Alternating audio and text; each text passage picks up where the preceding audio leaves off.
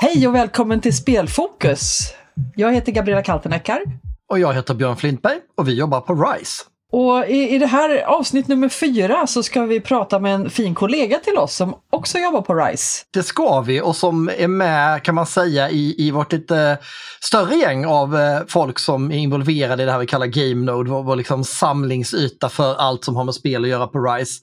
Eh, men som jobbar ganska mycket med, med teknologier från spelvärlden och metoder för att applicera dem inom andra områden också. Så det ska bli spännande att fråga honom om det. Och det är alltså Petter Wanneberg, vår forskarkollega på användarcentrerad digitalisering som vi ska ha som gäst idag. Och jag hoppas jag ska fråga, men jag vet att han har ett litet pet-projekt, ett drömprojekt om VR och skola som jag tänkte vi ska fråga honom lite grann om också. Just det.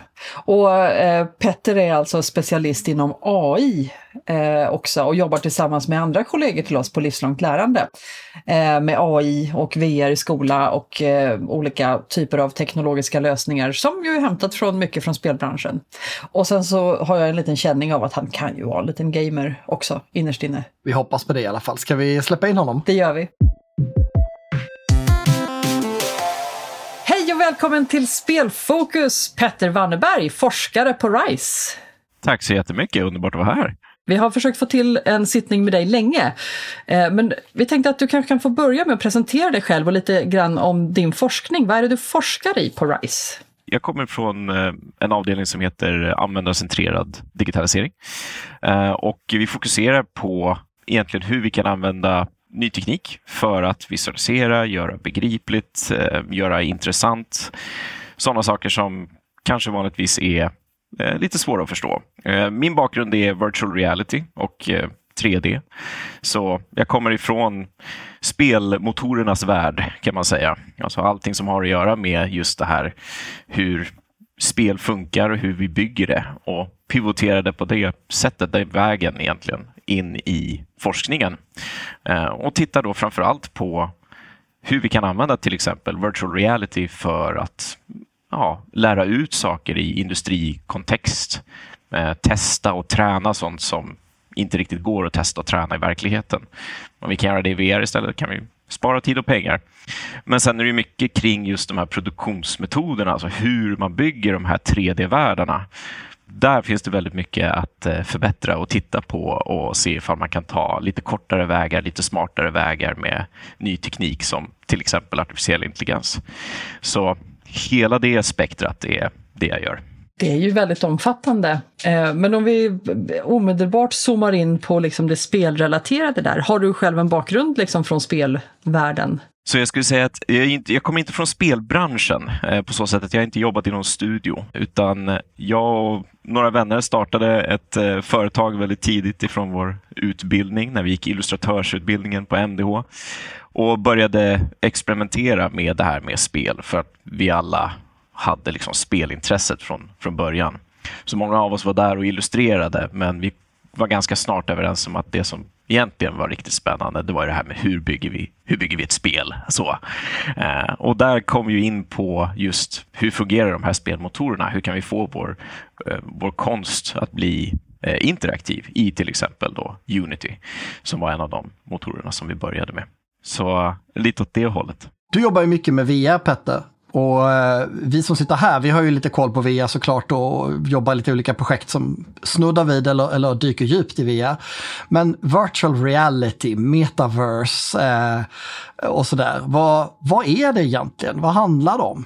Mycket bra fråga, viktig fråga. Jag kan väl kort bara så förklara att virtual reality är en virtuell verklighet. Alltså det är en verklighet som är gjord i datorn och som projiceras från datorn till dina ögon. Det är i stort sett det.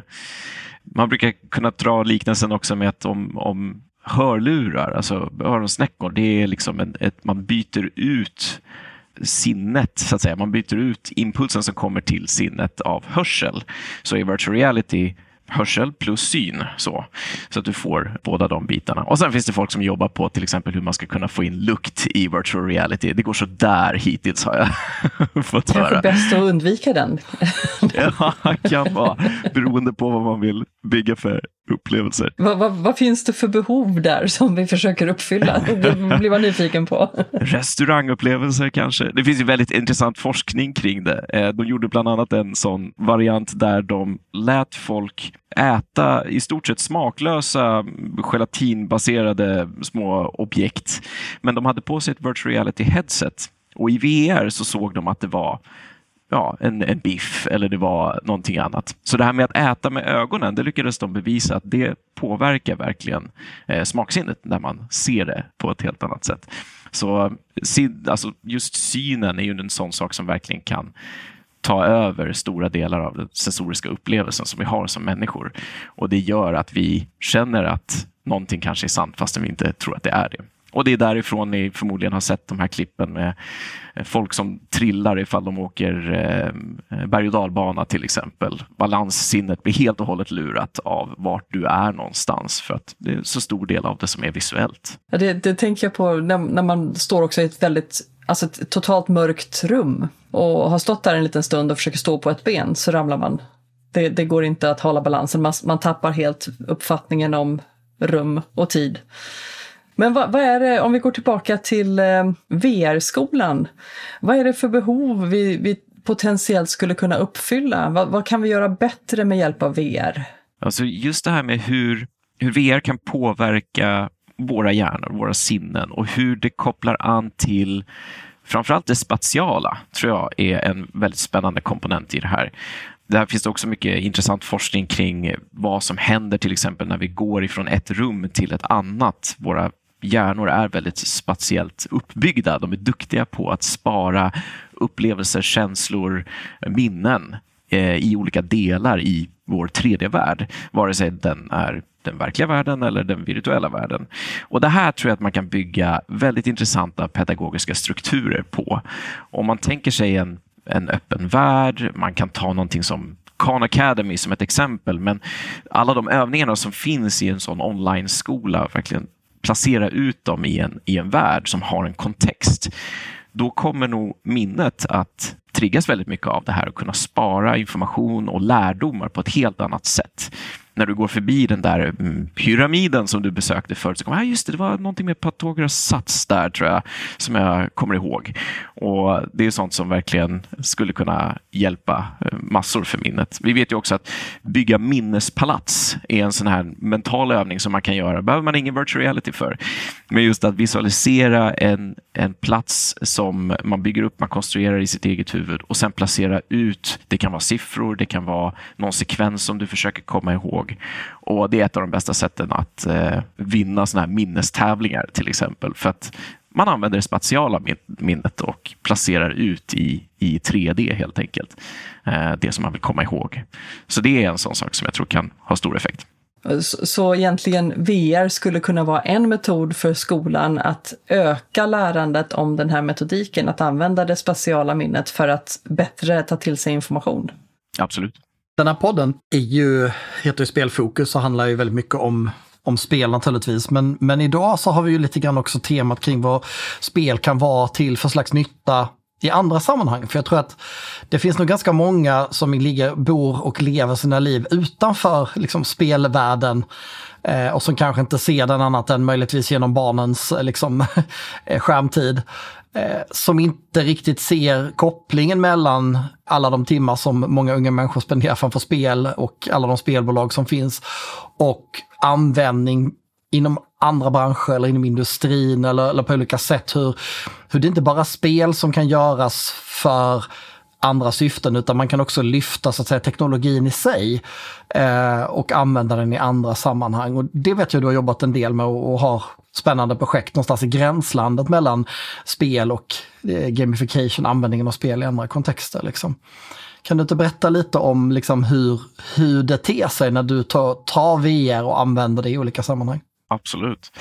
Så eh, ett av de den typen av projekt som vi har haft väldigt mycket av på vår avdelning är ju kring industrin framför allt. Alltså just det här, någonting är svårt eller svåråtkomligt eh, och vi vill kunna fortfarande utföra någon typ av spelifierad ibland träning i det scenariot, i det utrymmet som vi inte kan nå. Så ett exempel på det kan vara till exempel eh, kärnkraft. Säg att eh, du vill kunna träna på hur du gör någonting i du gör ett underhållsscenario i ett strål, eh, bestrålat eh, utrymme helt enkelt. Så du är någonstans där det är radioaktivitet och du vill inte ta dos. Då vill man ju inte gå in där och träna. Men om vi kan bygga upp samma miljö i virtual reality, då kan du få den här känslan av att du faktiskt kliver in i precis det rummet med dem, alla de saker, knappar, spakar, maskiner som finns där. Och du kan genomföra hela träningsscenariet och träna på det i den här världen. Då.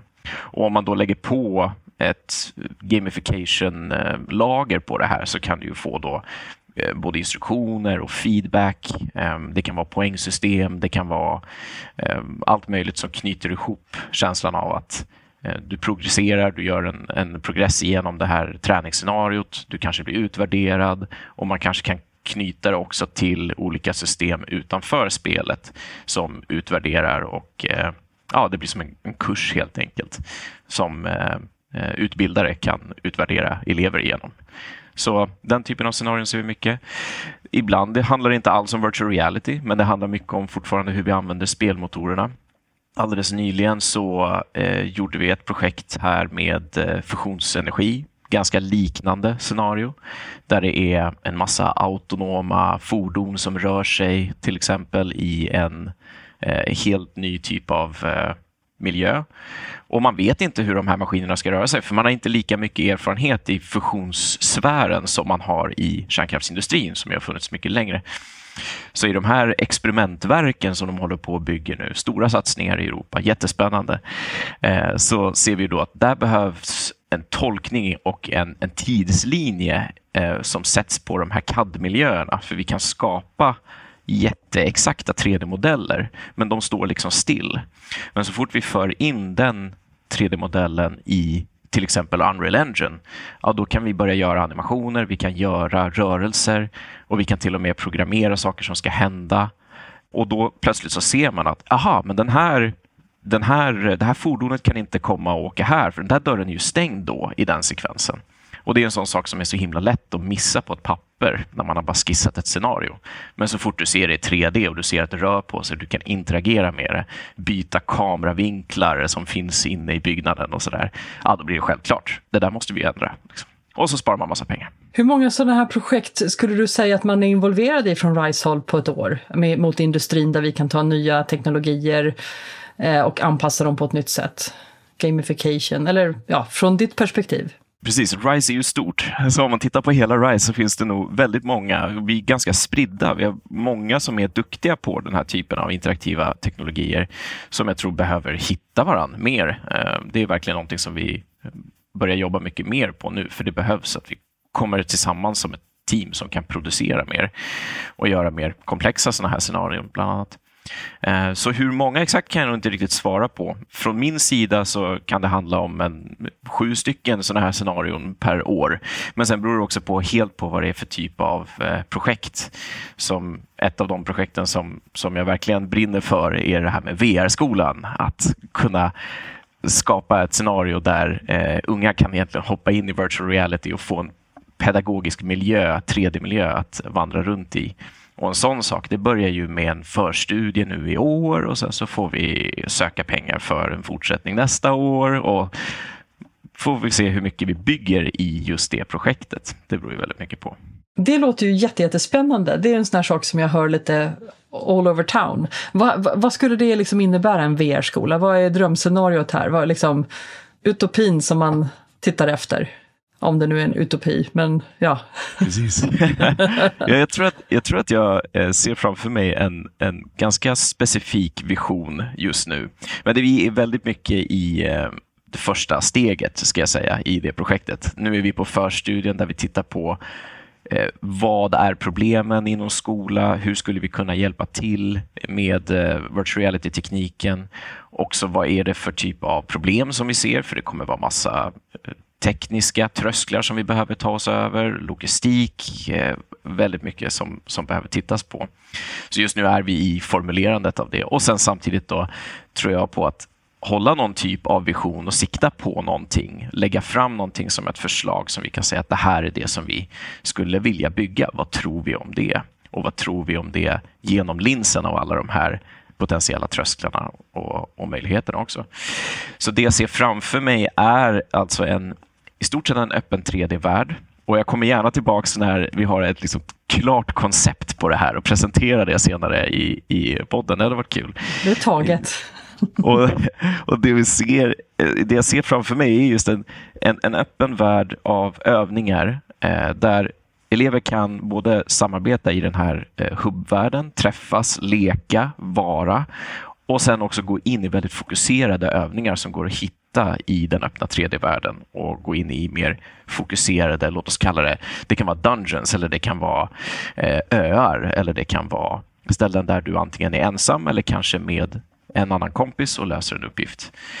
Och Det ser jag som väldigt eh, spelifierade eh, scenarion helt enkelt, där du får mycket av de här instruktioner, feedback eh, och ett poängsystem på det. Men det här är också sånt som vi behöver undersöka. Ah, ska det vara det? Ska det verkligen vara det i skolan? Ska det vara det på det sättet? Och kanske bygga då också demomiljöer som eh, visar på det ena eller det andra. Och också titta på redan existerande forskning så att vi tar vidare. Det påminner ju ganska mycket när du pratar tycker jag om eh, en annan av våra eh, gäster som har varit där mycket kring som jobbar med oss som kollega nu och som har många år i skolan bakom sig och, och prövat det här i praktiken liksom med olika spelifierade lösningar i olika sammanhang. Och han lyfter ju fram det här med nyfikenheten, att våga testa, våga pröva. Och samtidigt behöver den ju, och det har du säkert redan stött på, balanseras mot att, att skolan är en ganska eh, styrd och reglerad miljö vad det gäller liksom läroplanen och vad man ska uppnå och så vidare. Eh, har du några tankar på hur man ska kunna liksom hitta ett sätt att jobba som också känns tryggt, om man säger för lärare som ska ta sig an en sån här bit. Liksom. Om man just pratar om skolan, liksom. industrin som du har beskrivit, där är du ganska tydlig, du kan spara så här mycket pengar om du gör det här. Men hur, hur, liksom, hur tänker du att man ska nå ut eller få, få, liksom, få den kroken att fastna för att visa eh, de här möjligheterna? Det här är ju verkligen precis den nyfikenheten som jag känner in i det här projektet. De frågor du ställer nu, hur ska vi göra det här? Och jag tror att det handlar om att eh, ta fram koncept och göra tester helt enkelt. Eh, där vi bara själva först utvärderar och sen också gör tester tillsammans med elever på de sätt som det går. Och Det som är spännande med det här är just att det är inte bara ett projekt som kommer från oss. Jag har liksom pratat om det här med VR-skolan ganska länge. Det är någonting jag vill göra och det är någonting jag brinner för. Jag har liksom hittat att det här är det jag skulle vilja jobba med mest av allt. Och sen plötsligt när, när vi fick till finansiering för den här förstudien så har jag äntligen då tiden att verkligen lyfta blicken, titta runt. Men vad finns redan? Vad har vi för typ av initiativ? Och då ser jag att det finns väldigt mycket. Även i det här året, precis samtidigt som vi fick den här studien, så fick vi kontakt med Kungsbacka kommun till exempel, som eh, är igång i precis den här typen av experimenterande redan och kontaktade oss för att de sa vi vill göra ett experiment specifikt kring matematiken. Och det blev ju en väldigt bra ihopparning då, där det projektet som jag har nu går väldigt brett och tittar på helheten, på det stora konceptet. Vi pratar mer om hur man skulle kunna representera alla ämnen och precis den frågan som du eh, ställer där, att vad, hur ska det se ut rent visuellt och fungera rent praktiskt? Och eh, Kungsbacka kommun vill gå mer i det specifika med matematiken där vi får som en vertikal slice och få se, okej, okay, hur ska det funka då? Om vi bara tar matten som ett exempel hur gör vi här? Och den processen, den dialogen är vi i precis nu. Så det ska bli jättespännande att utforska. Det känns ju bra för att det känns ju som en viktig, verkligen viktig komponent att ha med sig så att säga, målgruppen. Eh, och det verkar det som har tänkt på redan från start och det är ju jättekul. Alltså jag, jag ser ju, det är ju ingen hemlighet att jag tror att båda vi är ganska stora fans av att kunna använda teknologin på det här sättet och på så här bilda en liten brygga mellan lärandet som ju faktiskt är målet i skolan trots allt. Allt, allt annat är ju bara metoder. Från, från katedrar och läroböcker till VR-headset eh, så är, handlar det ju om att uppnå det här lärandet och den här förståelsen på ett djupare plan. Och, men det är ju en resa såklart på många ställen och då är det ju väldigt bra att kunna jobba med, tillsammans med den målgruppen och hitta några då som ni har gjort som, som kan aktivt är lika nyfikna och vill, vill utforska och testa det här. Och det, det är ju fantastiskt kul tycker jag och det visar på applikationen. Och just lärande hör man ganska ofta när det gäller VR i olika sammanhang. Eh, vi har ju gjort tidigare projekt med VIA vet jag i samband med hälsoindustrin där vi hade eh, barn som unga människor som skulle genomgå svåra undersökningar till exempel och vi har haft projekt på sådär.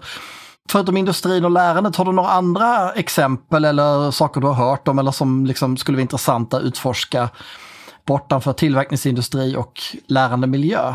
Om du menar precis eh, alltså mer i eh, olika typer av lärande med VR till exempel? Ja, men precis. Andra branscher så att säga. Där, så, utöver? Oh, det finns ju så, så mycket. Um, det, det, kan ju ha att göra med alltså, alla former av budskap egentligen som man vill skicka på ett eller annat sätt. Det jag tycker är så spännande med virtual reality som slår mig varje gång, i alla fall när det hamnar i en välbyggd applikation, en välbyggd upplevelse, är just hur det kan skapa sån stark emotionell resonans på olika sätt.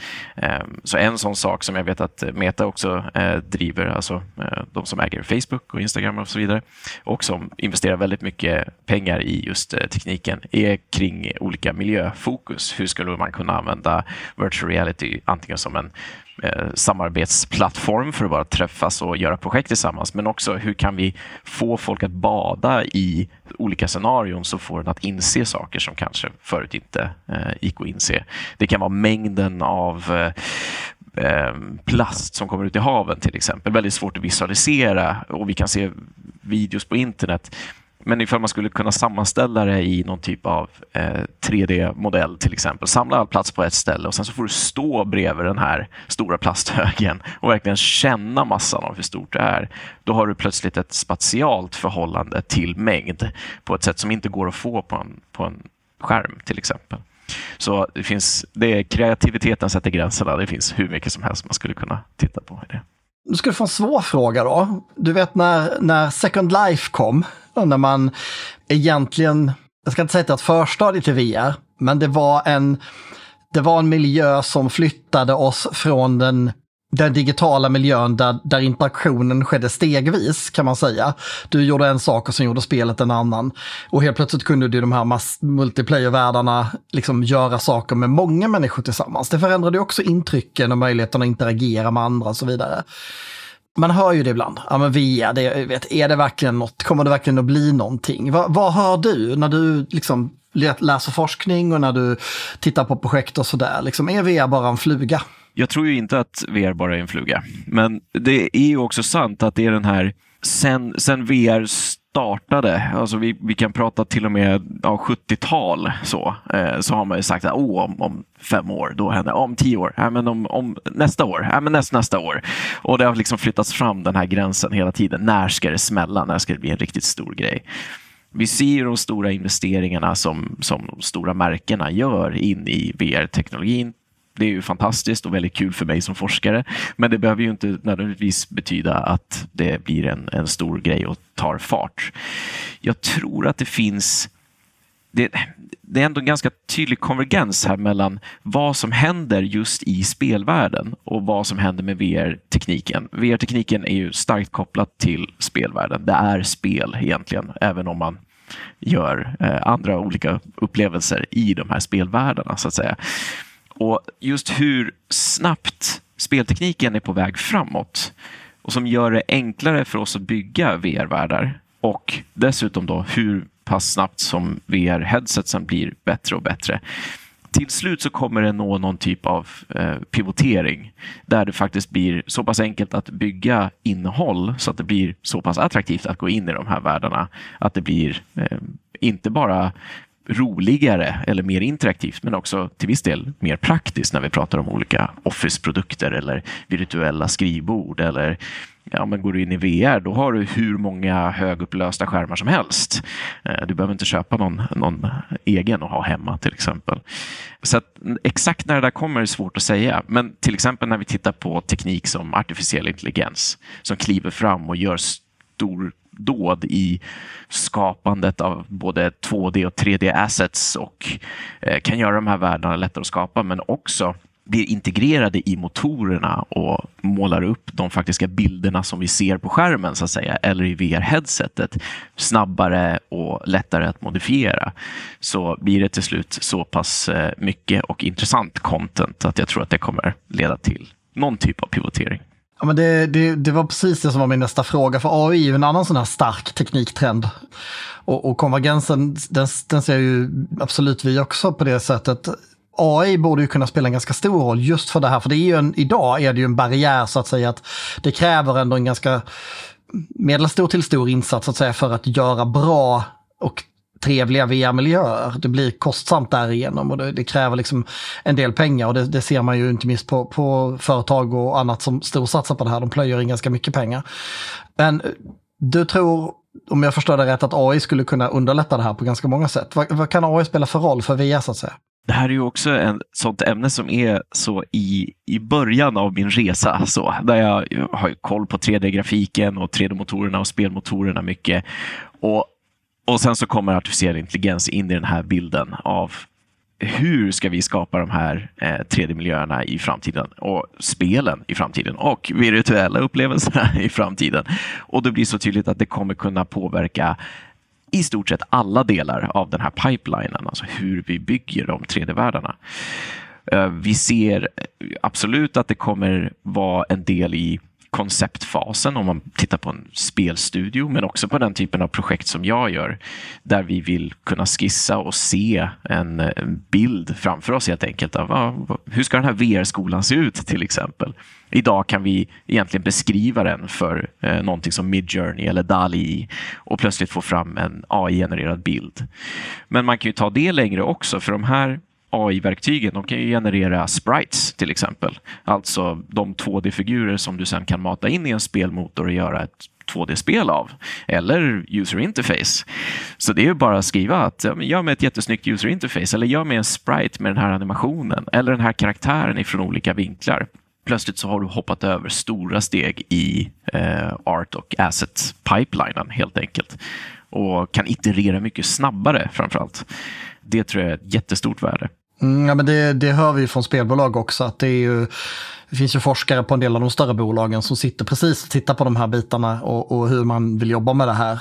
Um, jag var på en, en, föreläsning just med en av, ett av de stora bolagen där de har forskare som specifikt sitter och tittar på just applikationen av AI i olika sammanhang. Det som du nämner, uh, även inom testning, alltså att kunna A, låta AI vara med och kvalitetssäkra och göra tester, för det är också en ganska tids och krävande om inte annat för att kunna få till bra tester. Så, där. så man låter AI skapa ett antal testpersoner och köra, köra igenom spelen och så. Det är med andra spännande tider framför oss kan vi väl säga då. Men du, om vi, om vi bara återvänder eh, så här lite på sluttampen till där du egentligen började med din, din bakgrund lite grann med industrin. Om man nu skulle liksom tänka sig att vi sitter vid ett konferensbord, du och jag, så ska vi förklara för, för industriledare eller för politiker eller beslutsfattare varför det kan vara värt att investera i olika piloter eller prototyper kring VIA för industrin. Vad, vad är liksom din vad är din pitch? Vad är din eh, förklaring till vad, vad nyttan är och, och varför det är intressant? Så om man tittar på specifikt på industrin, alltså produktionsindustri, det kan vara pappermassa, det kan vara kärnkraftverk eller eh, utveckling av framtidens fusion som jag nämnde lite där tidigare, så är ju mycket av det handlar just om att snabbt kunna göra den här typen av tester och träningar eh, som gör att du kan se och fatta mycket bättre beslut än vad du tidigare kunde. För det blir så uppenbart eh, olika scenarion, ifall de funkar eller inte du kan också göra den typen av testning som du pratade om nu i, i spelbranschen. Just att kan vi släppa in en AI-agent och se vad som är fel på eh, den här miljön just nu? Designfel eller sånt som vi skulle vilja korrigera på ett eller annat sätt. Vi kan bygga digitala tvillingar av eh, hela fabriker. Eh, laserskanningen och fotogrammetrin är ju någonting som stormar fram och är en sån sak som precis som CAD-tekniken har knutits mycket närmare spelmotorerna. Förut var det inte riktigt möjligt att använda den typen av 3D-skanningar till exempel in i, i spelmotorerna. Idag gör man det. Man bara slänger in eh, de här skanningarna och, och kan faktiskt gå runt i dem och göra dem interaktiva. Och där finns det ju eh, fantastiska möjligheter att just väldigt snabbt kunna göra träningsscenarion i massa olika fabriker eller lägga ut information på en 3D-modell av din fabrik utan att det behöver kosta skjortan. För det där jobbet kan nu göras på tre dagar istället för ja, flera år eller vad det skulle ta att faktiskt handmodellera upp en hel fabrik till exempel. Så den typen av eh, eh, forskning tycker jag är väldigt intressant. Sen så har vi ju det som, som du var inne på just med kring spelindustrin också det är ju samma typ av teknik. Eh, så vi pivoterar egentligen speltekniken in i eh, det som är mer produktionsteknik och så vidare.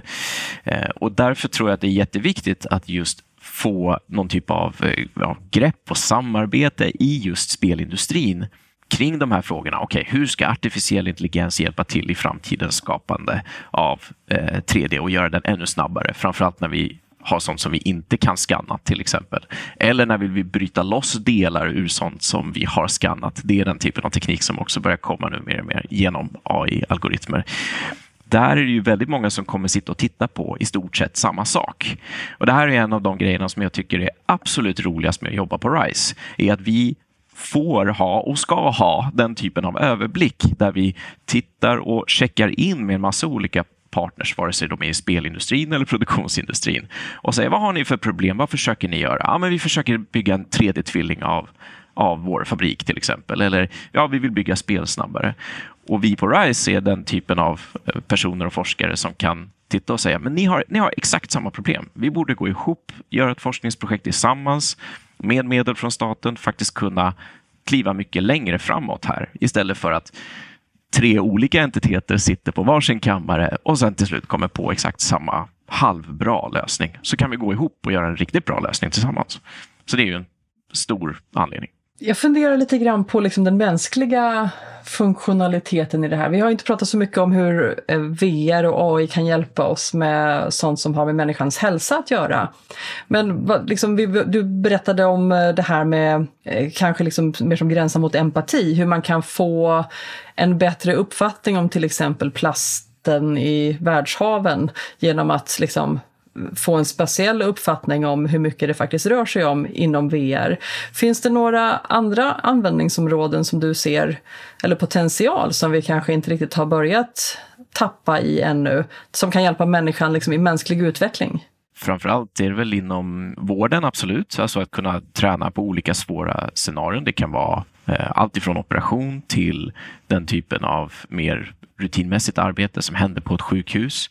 Onboarding av de som behöver tränas upp på ett eller annat sätt. Här kan man bygga lite av en specifik VR-skola till exempel för att göra sånt. Och det är ju sånt som industrin vill göra också. Igen, där har vi samma typer av problem som i stort sett löses med samma typer av system. Bara att de är designade och inriktade på olika sätt. Sen har vi sånt som stadsplanering också, alltså bara möjligheten att kunna till exempel då skanna av eh, stora områden som vi vill bygga om och göra, få en bättre bild av hur en hel stad fungerar.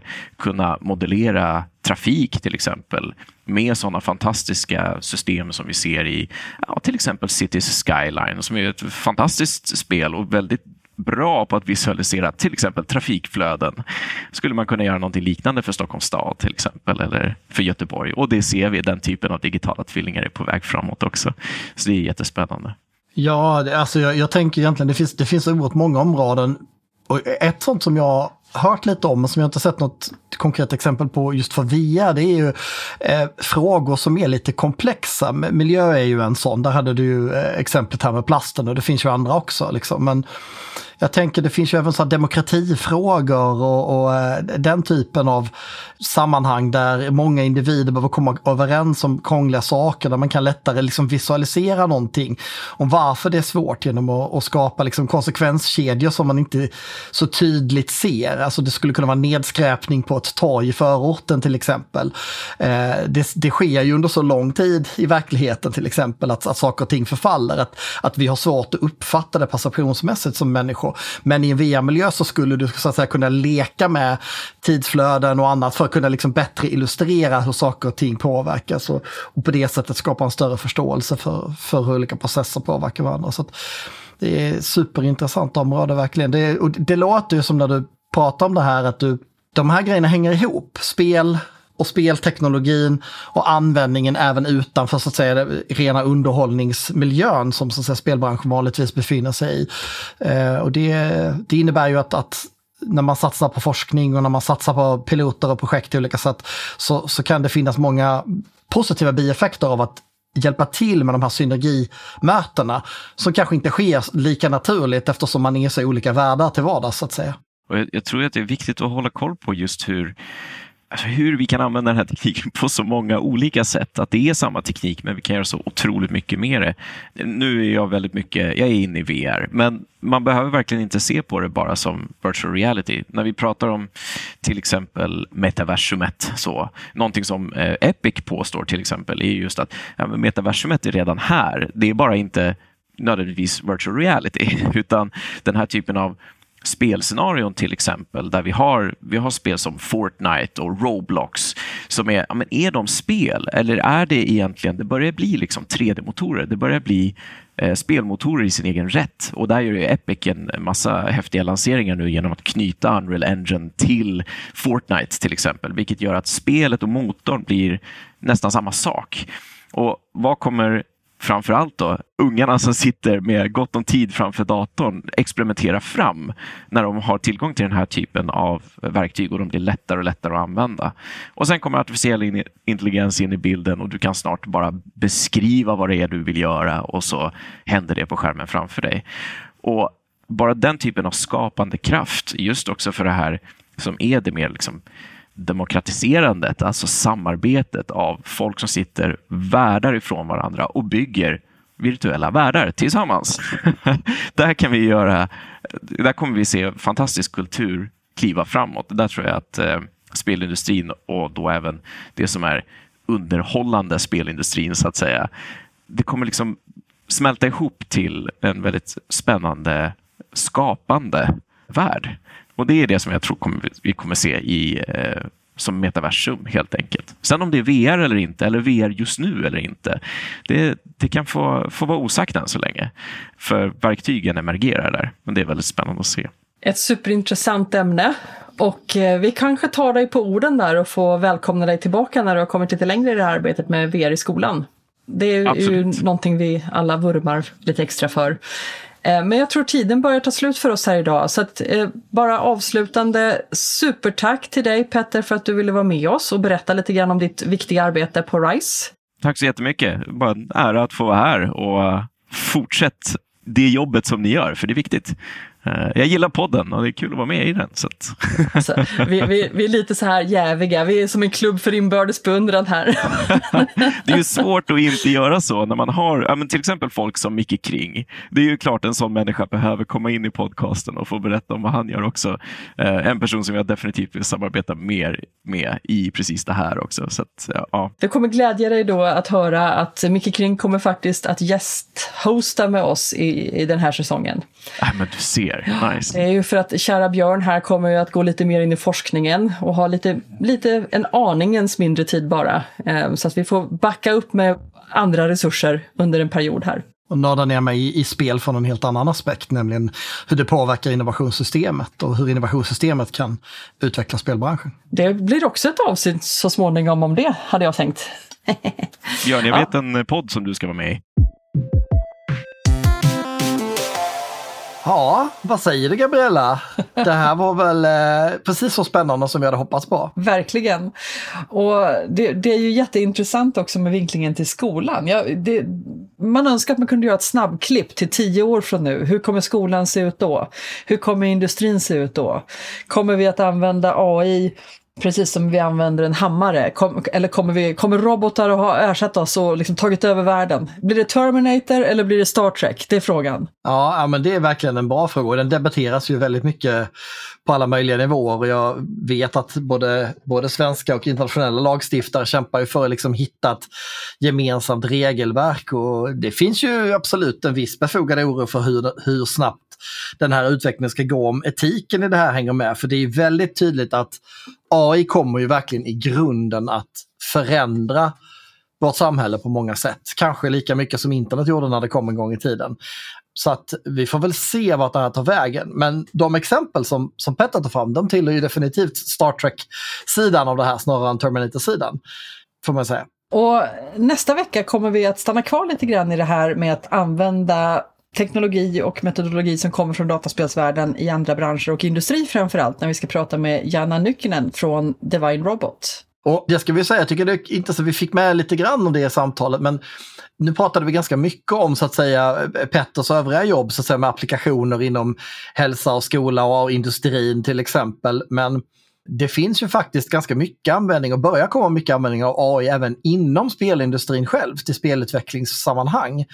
Eh, jag hade förmånen att lyssna på en, eh, en forskare från ett av de stora bolagen som berättade lite grann om det arbetet de gjorde och visade lite detaljer kring det. Och det, det kan handla om allt från att korta ner produktionstider med hjälp av AI till exempel genom att de kan eh, hantera stora mängder data bättre. Det finns exempel på spel som använder eh, språkmodeller så att säga för att populera en värld med, med non-player characters, med folk du kan möta i små rollspel som, som man bara sätter vissa egenskaper på. Och sen så får de prata för sig själva så att säga, snarare än att skripta varenda samtal de har.